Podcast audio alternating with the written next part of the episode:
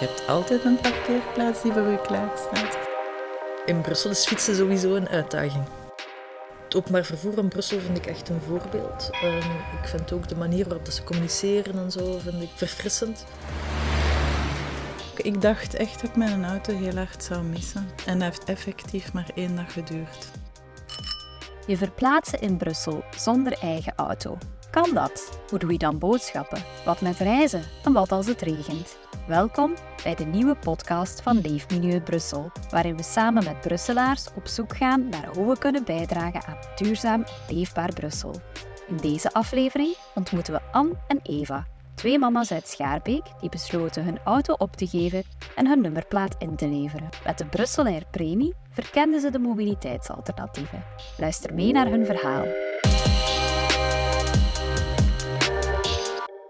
Ik ben Eva. Ik um, woon in Schaarbeek sinds uh, 2005, dus dat is ja, bijna 20 jaar. Uh, met drie kinderen. Ik ben oorspronkelijk uit Gent. Dat wil zeggen dat ik eigenlijk mijn hele leven gefietst heb. En dat ik dat ook in Brussel heb verder gezet. En dat ik dus ook al bijna 20 jaar in Brussel fiets. En wij proberen zoveel mogelijk Brussel rond te toeren als actieve weggebruikers.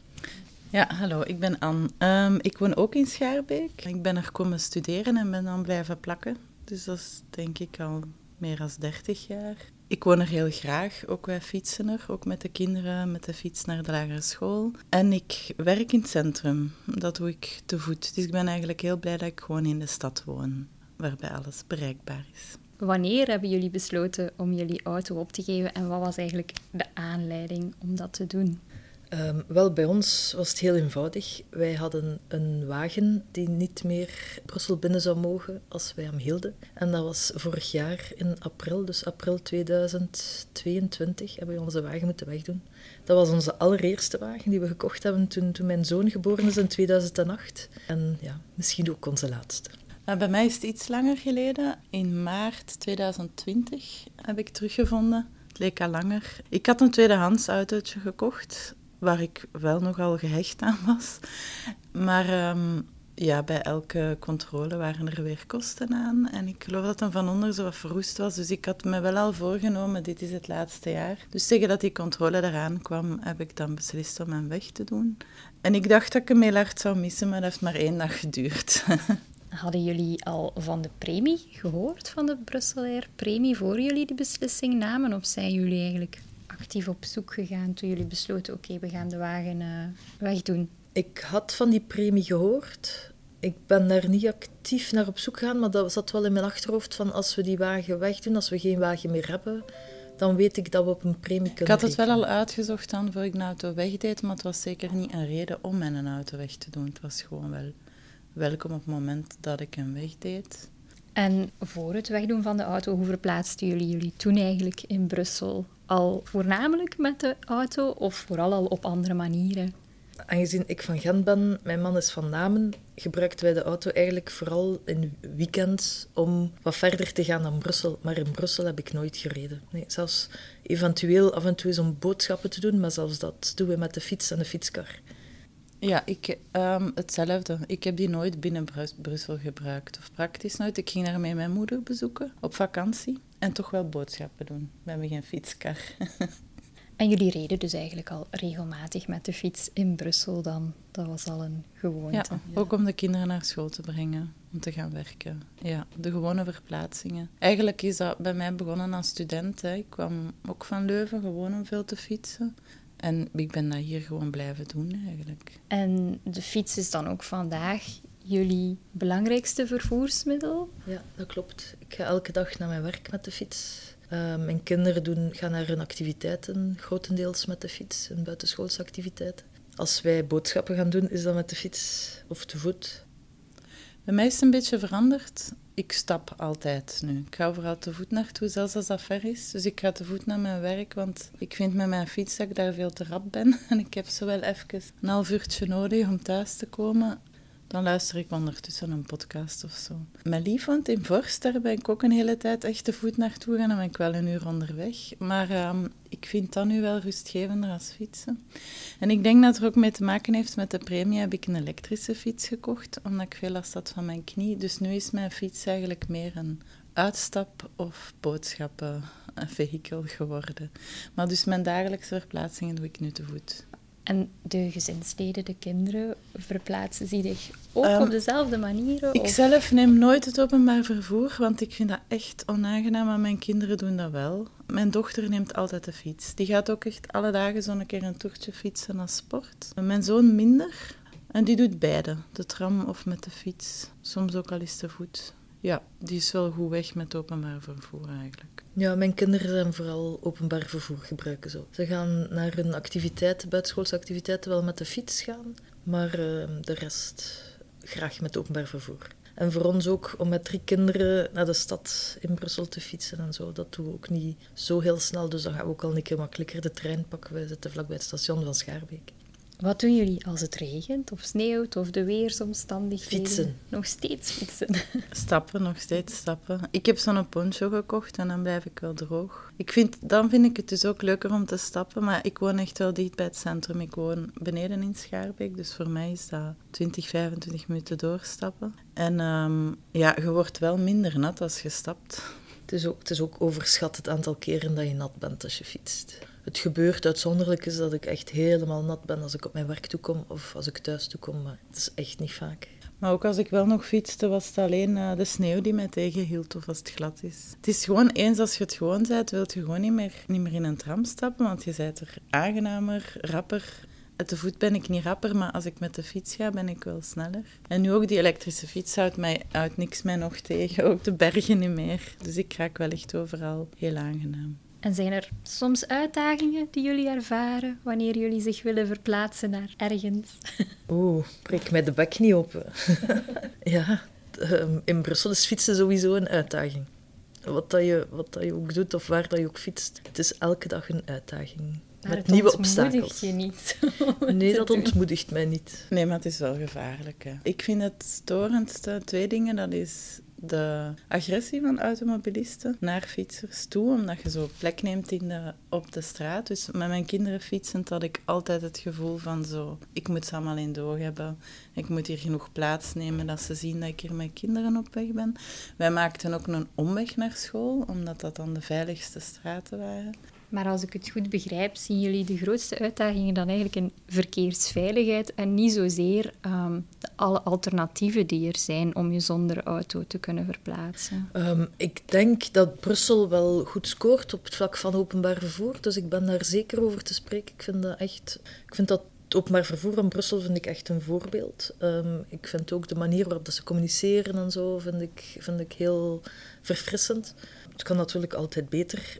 We zullen het maar niet over de metro hebben die eventueel naar Schaarbeek gaat komen ooit. Maar de fiets, ja, is zoals Anne zegt ook, het, het is, is heel gemakkelijk. Je hebt je fiets, je weet precies, zodra dat je op je fiets springt, hoeveel minuten later dat je gaat ter plaatse zijn. Ik wist nu ook, ik heb mijn timer gezet daarnet, ik heb eh, mijn fiets gepakt en ik wist dat ik hier drie minuten op voorhand ging zijn en het kwam zo ook uit. Dus eh, ja, dat is het hele grote voordeel van de fiets en ook het feit dat je beweegt en sporten bent. En op mijn werk ehm, kan ik mij ook douchen als ik toekom, ehm, s ochtends. Dus ja, ik verkleed mij en dan, ga ik, dan begin ik te werken en dan s'avonds doe ik terug mijn fietskleren aan en dan ben ik terug weg.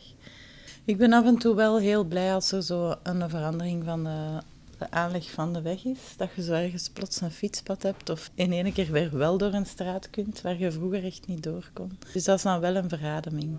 Waar dat ik vroeger dan niet op rekende of niet gewoon was dat dat er was. Dus ik vind op dat vlak wel dat er al een paar plekken eh, aangenamer geworden. Ja, de, de heraanleg van de kleine ring bijvoorbeeld is Ja. een ongelooflijke vooruitgang voor de fietser. Er zijn nu bijna te veel fietsen, zou ik zeggen. Misschien eventjes om terug te komen tot de premie. Ehm, op welke manier hebben jullie daar dan gebruik van gemaakt? We hebben dus voor Cambio gekozen, omdat voor die enkele keren dat we dan toch de auto zouden nodig hebben.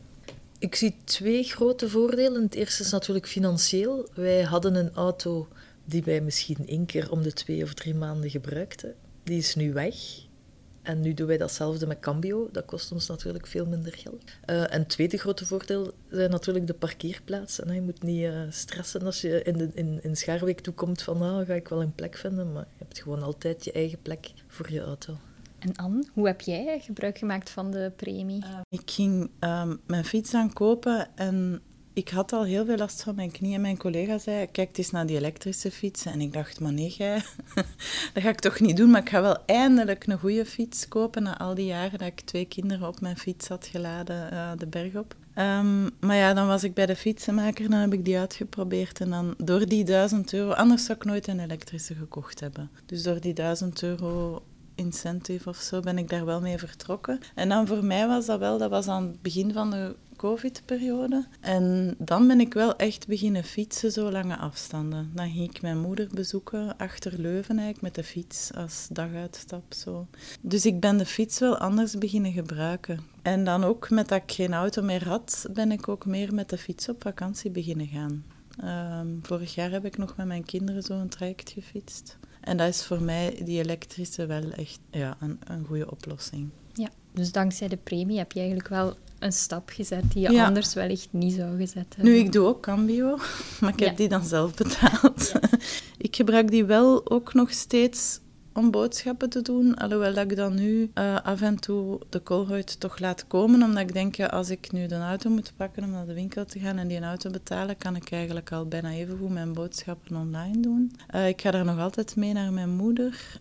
Maar ja, dat is veel minder als dat ik mijn auto gebruikte. Dus je denkt wel twee keer na. Ik ga ook nog dikwijls met de trein naar mijn moeder ondertussen. Dus je verandert wel je gewoontes. Ik vind ook het grote voorbeeld de parkeerplaats. Dus ik kan iemand willen overtuigen voor een cambio, dan zeg ik, je hebt altijd een parkeerplaats die voor u klaar staat.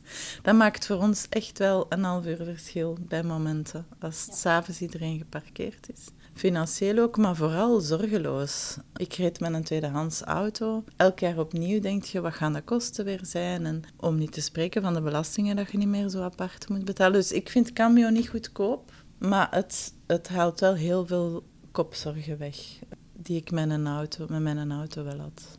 En het lost wel het probleem op dat je wel af en toe, als je een auto nodig hebt. Mijn zoon zit op internaat, als je die verhuis moet doen, neemt je een grote cambio of een kleine. Of, ah ja, dus dat vind ik ook heel leuk, die flexibiliteit. Um, maar ik heb daar eigenlijk geen... Ja, ik vind dat heel positief uh, dat dat er nog is als je dan geen auto meer hebt. Zagen jullie het opgeven van jullie auto ook echt als een stap voor een beter milieu? Dat is zeker uh, ingegeven door, door milieuvragen, maar ook gewoon ja, voor, je, voor je eigen gezondheid. Mm, bij mij vooral ook omdat ik vind dat er veel te veel auto's in Brussel zijn. En ook, die staat daar dan geparkeerd, als je die niet veel gebruikt. Ja, bij mij ook omdat, allee, omdat ik in de stad woon. En iets heb van als je in de stad woont, heb je dat eigenlijk niet nodig. Dus dan kun je maar beter een auto delen met andere mensen, in plaats van dat iedereen zijn eigen auto heeft staan die veel plek inneemt. En de overdaad aan auto's in mijn wijk is misschien ook wel dan een motivatie voor mij om te zeggen, ik doe daar dan zelf niet meer aan mee.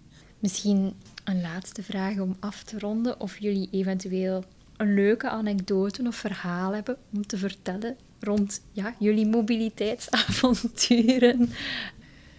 Um, ja, maar dat is dan een auto-anekdote. Um, ik had dan nou een auto. Dus die cameo's voor mij, dat was echt zo van... Wow, wat is dat hier allemaal met GPS en elektronisch. En voor mij waren dat luxe auto's, plotseling. En op een bepaald moment had ik per ongeluk zo die snelheidsbeperker opgezet. Want ik dacht dat mijn auto stuk was.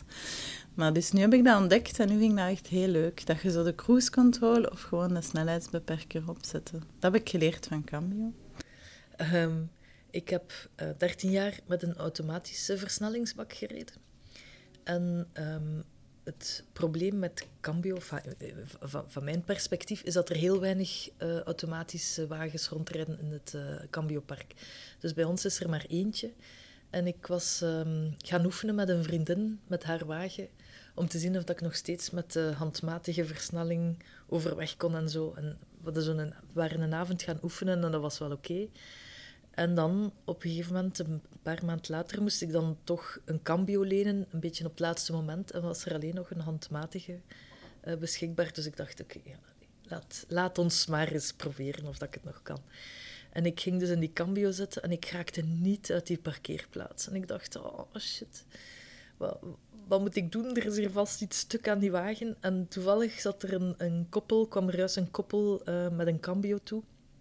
En ik ben dus aan, aan die mensen gaan vragen of ze mij eventjes konden helpen. En die vrouw zei, ja, ja, eh, elke cambio is een beetje anders. Je moet altijd zo'n beetje proberen om te zien of dat het wel werkt en dingen. Dus je moet af en toe een beetje proberen. En die, die man zei, zal ik even komen kijken? Ik zeg, ja, dank u. En hij ging zitten en hij reed direct en achteruit die parkeerplaats uit. En ik dacht, oh shit, wat doe ik nu verkeerd? Dus ik terug op mijn plaats, terug proberen, niet achteruit. En hij kijkt zo binnen door het raampje en zegt, ja, maar je moet op die derde pedaal duwen. Oh shit. Dus ik was helemaal vergeten dat je met die handmaat drie pedalen, dat die ene pedaal dient om achteruit te rijden. Maar kijk, ik, denk dat die mensen misschien iets wat ongerust waren toen ze mij zagen vertrekken, maar ik ben wel heel uit teruggekomen. En sindsdien durf ik weer wat meer met een handmatige rijden. Zo, ja. Krijg je nog eens hulp van andere mensen. Het is echt autodelen. Maar ik heb zo op de parking van een camion gestaan met een automatische, omdat het de enige was die er nog was. En dat heeft ook vijf minuten geduurd voor ik daaruit geraakte. Maar voor mij is de pro dan niet de cambio's. Hè. Is gewoon dat je eigenlijk in Brussel alles kunt doen zonder auto. Wat, wat we eigenlijk al wel wisten. Maar nu nog meer gemotiveerd om daar ook effectief gebruik van te maken. Ja, en, maar vooral ook, ik dacht echt dat ik mijn auto heel hard zou missen. En dat heeft in e- effectief maar één dag geduurd. Ja, dat is een mooie en geruststellende conclusie, denk ik. Het gemis van de auto duurt dus niet zo lang en weegt niet op tegen de voordelen. Bedankt Anne en Eva voor jullie leuke anekdotes en om jullie verhaal met ons te delen. Bedankt om te luisteren naar deze podcast over mobiliteit in Brussel. Wil je meer weten over de Brusselair Premie? Bezoek dan zeker onze website brusselairpremie.brussels. Je kan je ook abonneren op onze maandelijkse nieuwsbrief om op de hoogte te blijven van onze toekomstige podcasts en alle nieuws over het Brusselse leefmilieu.